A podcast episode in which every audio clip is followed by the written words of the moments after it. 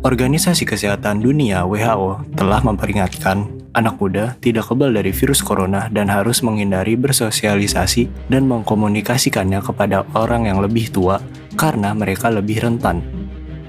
Mengutip BBC.com, Direktur Jenderal WHO Tedros Adhanom mengatakan pilihan yang dibuat oleh kaum muda bisa menjadi perbedaan antara hidup dan mati untuk orang lain.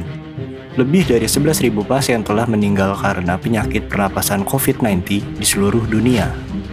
Hampir 250 pasien telah dites positif secara keseluruhan. Pernyataan Ketua WHO tersebut mengikuti laporan bahwa anak muda di banyak negara merasa puas dengan peringatan kesehatan karena kerentanan yang lebih besar terhadap virus adalah orang yang lebih tua. Wabah coronavirus pertama kali di Cina pada bulan Desember, tapi sekarang pusat pandemi adalah Eropa dan di Italia di mana virus telah membunuh lebih banyak orang daripada di negara lain.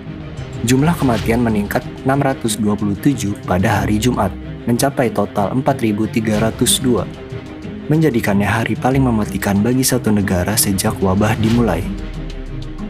Every day, COVID-19 seems to reach a new and tragic milestone. Uh, more than 210,000 cases have now been reported to WHO, and more than 9,000 people have lost their lives. Every loss of life is a tragedy. It's also motivation to double down and do everything we can to stop transmission and save lives. Of course, we have good news today. Yesterday, Wuhan reported no new cases for the first time since the outbreak started. Wuhan provides hope for the rest of the world that even the most severe situation can be turned around.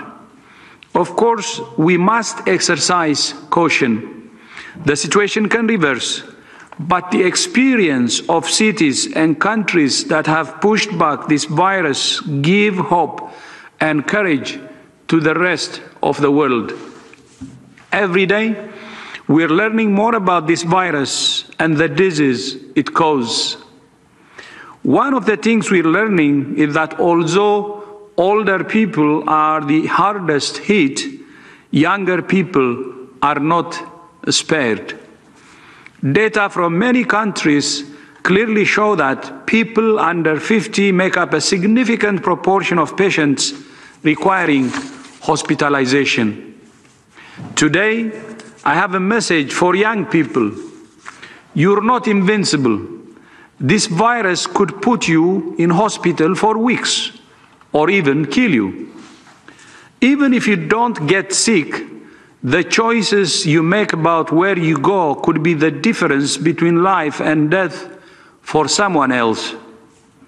I'm grateful that so many young people are spreading the word and not the virus. As I keep saying, solidarity is the key to defeating COVID 19. Solidarity between countries, but also between age groups.